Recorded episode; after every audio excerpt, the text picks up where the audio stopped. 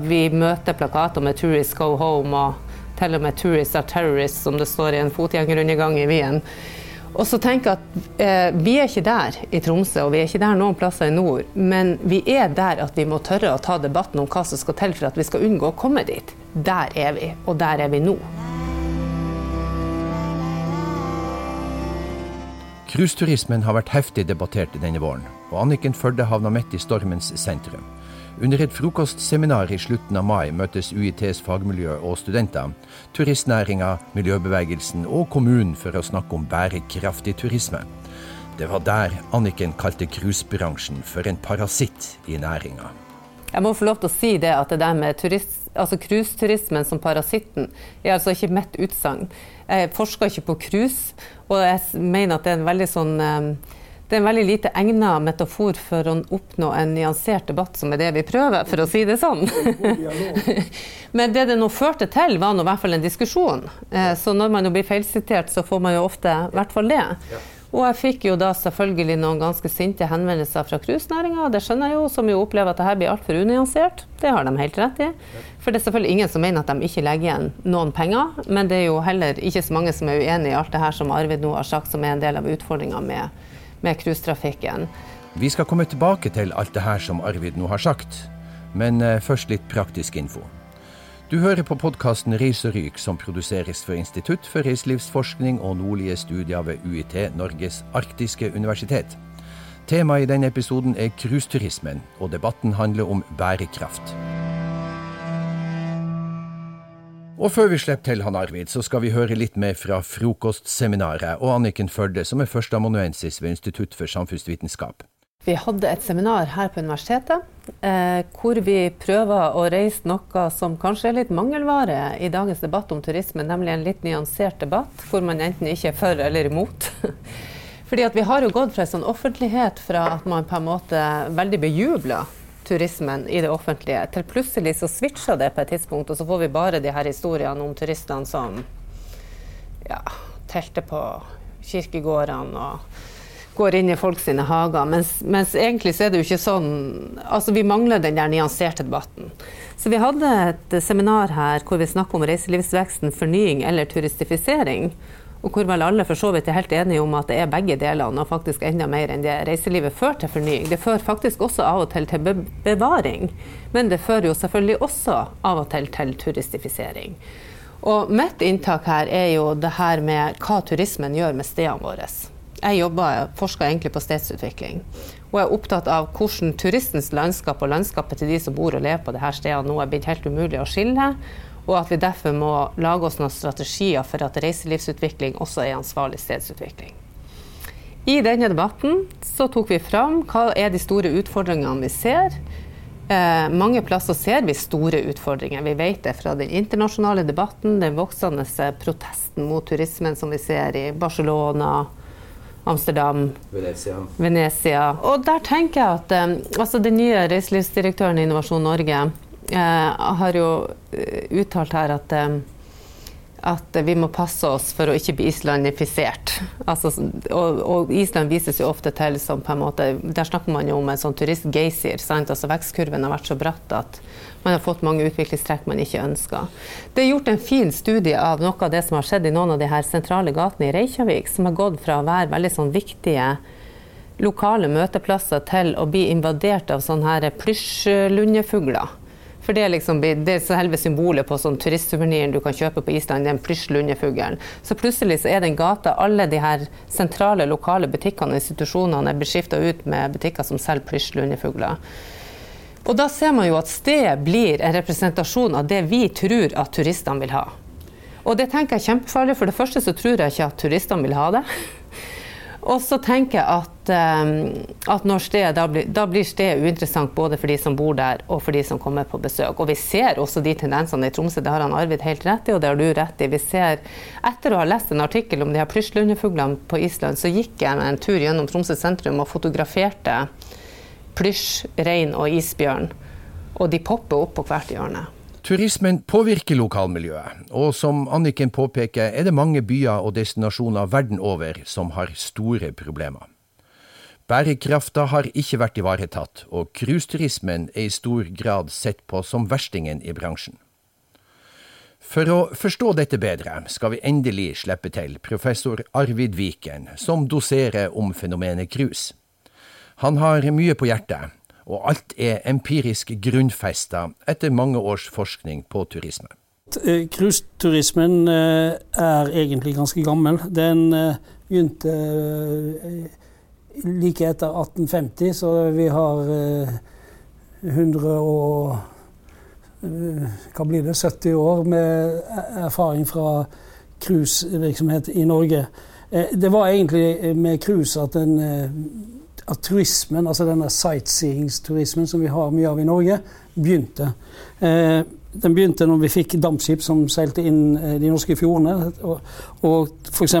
til steder som Odda, Fjærland, Geiranger, Nordkapp og til og med Svalbard kom relativt tidlig inn i seilingsmønsteret til en del av skipene.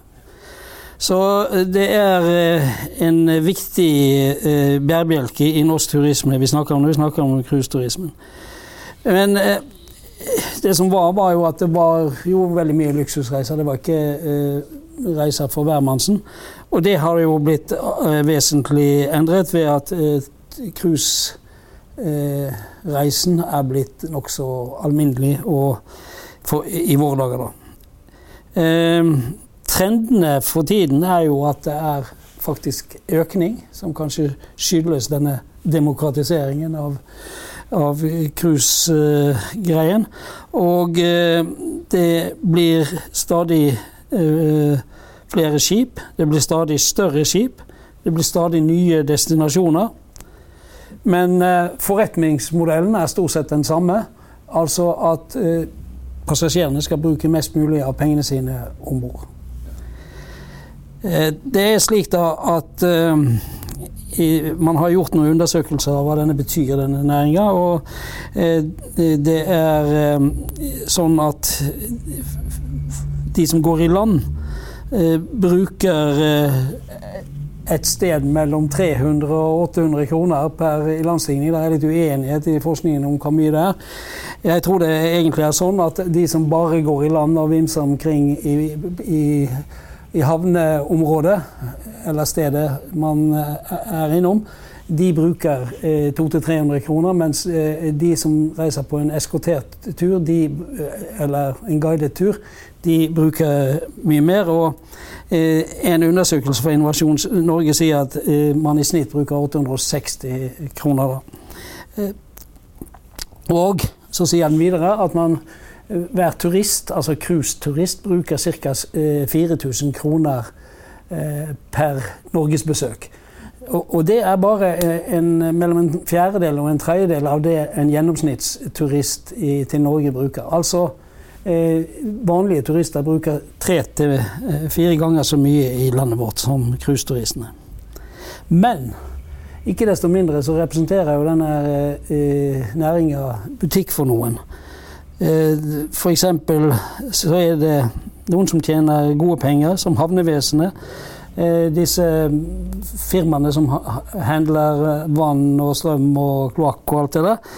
Eh, noen guideselskaper, noen attraksjoner og selvfølgelig også en del butikker i, i havneområdene. Så det er for så vidt en, en slags vinn-vinn-situasjon med at man tjener både i cruiseselskapet og omkring.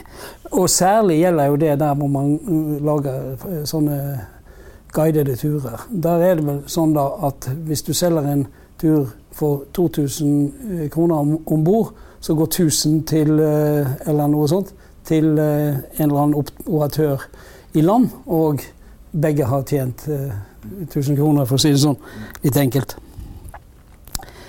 Resten av pengene, de store pengene, går jo til cruise eh, Altså til skipet og dens eiere, til turoperatører eh, og investorer. Og det er der den eh, virkelig store businessen er. da. Og lite av disse pengene kommer til f.eks. Norge. da. det er ingen eh, skatteinntekter for denne virksomheten for Norge når det, vi tar imot eh, cruiseskip utenfor. Det er ingen ansatte om bord som betaler skatt, eller svært få, til Norge. Det er ingen som har arbeidsgiveravgift. Det er ingen eh, alkoholavgift. Og eh, ingen bedriftsskatt. Så eh, altså, man unnslipper alle disse beskatningene som man har i reiselivsbedrifter på land. Og det er jo kanskje ikke så stor forskjell på en bar om bord i en båt og en bar på kaien når alt kommer til stykket. Så det, at noen syns det der er urimelig, er jo ikke så vanskelig å forstå. Eh,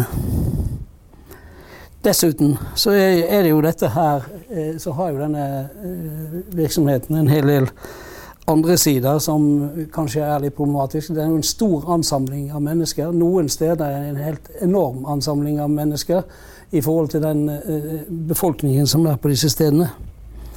Uh, og det er jo kanskje av de, eh, en av de tingene som man har hatt litt fokus på i Norge i par siste årene. At det eh, representerer en trengsel.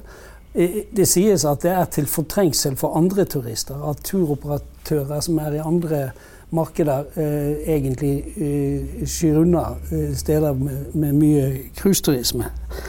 Jeg kan ikke gå god for det når det gjelder Norge, men det kan tenkes. Så, men iallfall, vi har hatt fokus på denne trengselen, og vi har hatt fokus på dette med at eh, har en rekke miljøsider som ikke er helt enkle.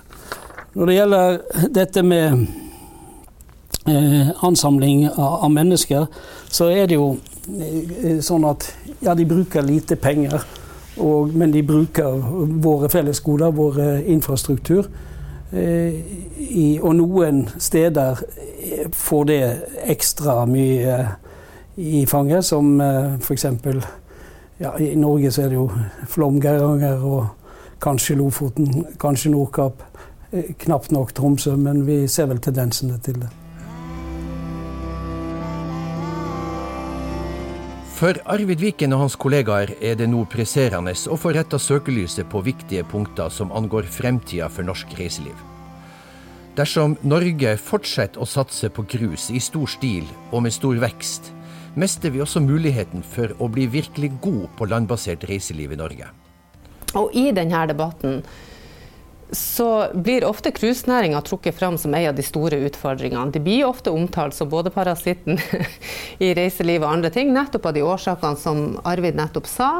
Altså at de legger igjen relativt lite, og det at de kommer i så store omfang. De kommer så mange om gangen.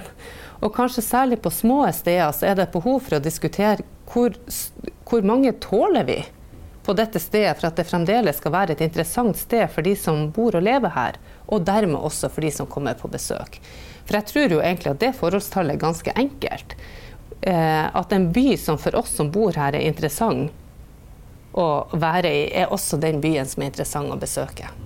Blir utviklinga så turistifisert på en måte at byen vår blir uinteressant for oss, så er den fort også uinteressant for de som kommer på besøk. Det er mange som snakker om at tipping pointet i reiselivet er når stedet finnes for turistene.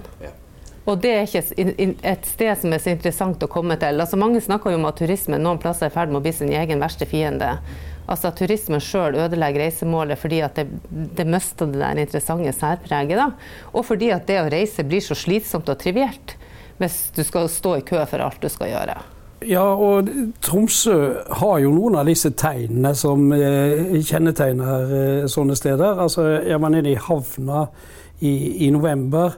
Og det var ikke en eneste fiskebåt, men det var 30 eh, sånne cruisebåter altså sånn, som skulle ut på ekskursjoner med eh, turistene. Eh, jeg gikk deretter gjennom eh, gatene i havneområdet, og annenhver butikk nesten så står det et eller annet turistgreie. Altså det er slutt på de butikkene hvor jeg går og handler Eh, isenkram og klær og hva jeg trenger. Men, så, så, så, hele dette bylandskapet er jo i ferd med å innta en sånn turistisk utseende. Mm. Jeg tror det er viktig å si her at det er ikke cruisenæringen som står for alt dette her. Det er faktisk eh, en annen type turisme som kanskje står for denne eh, hovedutviklingen i, i, i Tromsø, eh, tross alt. Eh, det, det, er jeg nokså sikker på. Men, men, noe av det som var diskutert på det seminaret vi hadde, som jeg tenker er veldig interessant eh, altså Her var eh, kommunen, her var Visit Tromsø, her var representanter for næringa, og alle er jo egentlig skjønt enige om at vi trenger mer reguleringer.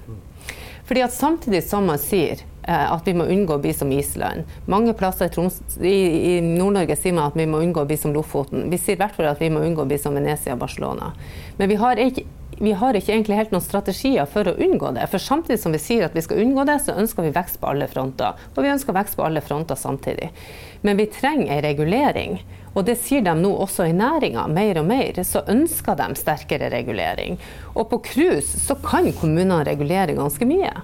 Altså Som Arvid sier, så er det jo havnestyrene som her De tjener jo gode penger på cruise. Men de har også mulighet til å stille ganske sterke krav. Mye sterkere krav enn det man gjør i dag. Ja, jeg kan eh, også komme med et eksempel her. Jeg var på eh, eh, leder en debatt om cruisetrafikken i Arktis i, i, fjor høst.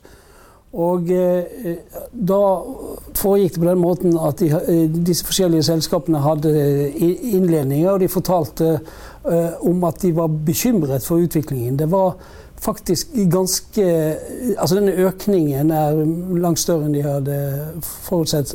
Og det, jeg tror de nevnte 22 nye sånne cruisebåter av typen som går på Svalbard, som var under kontrahering. Så eh, det er jo en eh, bekymringsverdig vekst, og det sa de. For så å fortsette sine innlegg med å fortelle hvordan de skulle øke. Så det er klart her er en, i næringa en veldig sånn dobbeltmoral. Man er obs på at det er problemer knytta til veksten, samtidig som man ønsker vekst. Og eh, De som kan kanskje gjøre noe med det, er muligens ikke næringa sjøl, det tviler jeg på. Men det, her er det vel behov for eh, at eh, myndighetene kommer inn med noen reguleringer. Både forskere og seriøse aktører i reiselivsbransjen er enige om at regulering er nødvendig, og at det haster. I enkelte regioner er bekymringen stor for irreversible konsekvenser, som vil ødelegge for destinasjoner og attraksjoner på lengre sikt. Eh, det er helt på trynet, for å si det sånn, at man får lov å reise med disse svære båtene inn i Geirangerfjorden og i eh, hva det heter der, til Flom. og, og for så vidt andre steder. Eh, det, jo, det var vist på TV her om dagen en sky i godværet over Geiranger, og var, den skyen var utslipp fra cruisebåtene. Eh, slik det er i dag, så er, har man et, forbud på å ha større skip eh, enn skip med 200 passasjerer på, i Øst-Svalbard. Eh, jeg eh, er jo bekymra for hvordan den regelen ser ut etter at eh, Hurtigruten har fått skip som skal gå i dette farvannet som tar 500. Jeg er jo sikker på at her blir det lagt press på å øke disse grensene for antall lovlige passasjerer. På Galapagos hadde man sånn regulering for mange år tilbake. og Hver gang eh, næringen fikk større kapasitet, så klarte de å få hevet eh, eh, grensen for hvor mange turister man skulle ha i dette øyriket er redd for at det samme kan komme til å skje eh, på Svalbard. Eh, det er selvfølgelig tette bånd mellom Hurtigruten og det norske politiske system. Og eh, det ville forundre meg om ikke det skjer ting i, i dette feltet. Og det er ikke ting som jeg ønsker skulle skje. Det burde heller skje det at man sa at 200 passasjerer var den øvre grensen overalt på Svalbard, istedenfor at man skal slippe til disse 4000 passasjersbåtene som man gjør på vestsida og Magdalenefjorden i Svalbard. Og generelt, ja, vi bør regulere størrelsen på disse båtene. Det går an å differensiere det og si at i de og de farvannene eh, skal man ha ikke båter som er større enn så og så. Og eh, det går an å differensiere det med hensyn til hva slags uh, fuel man skal kunne gå på. Så det, det er mye man kan gjøre uh, uten å ta Og det er ingen som ønsker å ta livet av uh, cruisenæringa, men vi ønsker en cruisenæring som landet, miljøet og folk er tjent med. Det er jo ikke til å komme forbi at cruiseturisme i Norge og i Arktisk er lite bærekraftig i den forstand at det er, veldig mye lange reiser.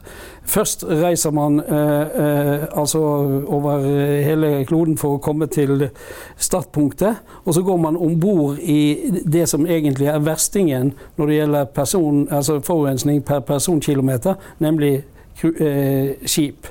Eh, så eh, bærekraftig blir nå egentlig aldri denne turismen, men den kan bli bedre enn den er, og det kan bli bedre for miljøet med å endre på teknologien, og det kan bli bedre for lokalsamfunnene ved å i, i, bli, bruke mindre båter eh, etc. Samtidig så ser vi jo tendenser til kursendringer i reiselivet, også i cruisenæringa. Altså Norge har noen mål om å være verdensledende på miljøvennlig sjøfart. Sant? Vi har Hurtigruta, som gjør den jobben med elektrifisering og bygge hybridskip. Også. det skjer jo ting. Eh, på denne fronten. Vi skulle bare ønske at det skjedde fortere hvis man er opptatt av miljø og sånne ting.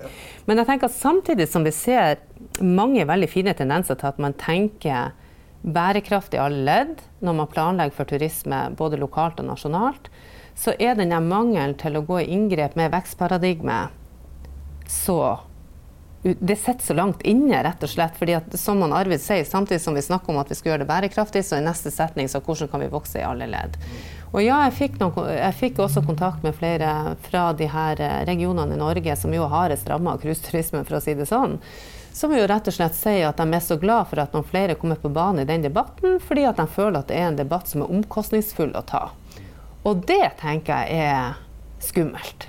Fordi at det her er en debatt som vi må ta.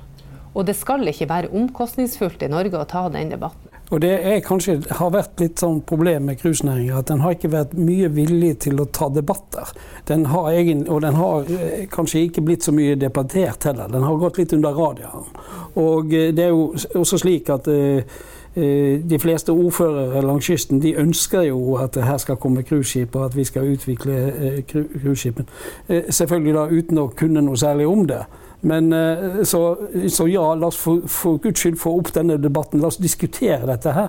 Og, men for at det skal bli en skikkelig diskusjon, så må også denne næringa bli litt mer transparent. Altså, vi må få greie på mer om hva som skjer i denne næringa, enn sånn som til, eh, tingenes tilstand har vært til nå. Du har hørt podkasten Reis og ryk med professor Arvid Viken og førsteamanuensis Anniken Førde, som begge har snakka om si forskning på cruiseturisme. Mitt navn er Espen Holm, og jeg håper vi med denne podkasten kan bidra til en konstruktiv og nyansert debatt om hvordan skape en bærekraftig fremtid for cruisebransjen. Reis og ryk er produsert av Prosit Productions for Institutt for reiseliv og nordlige studier ved UiT Norges arktiske universitet. Følg oss gjerne på iTunes, Facebook og universitetets hjemmeside for flere spennende podkaster om reiselivsforskning.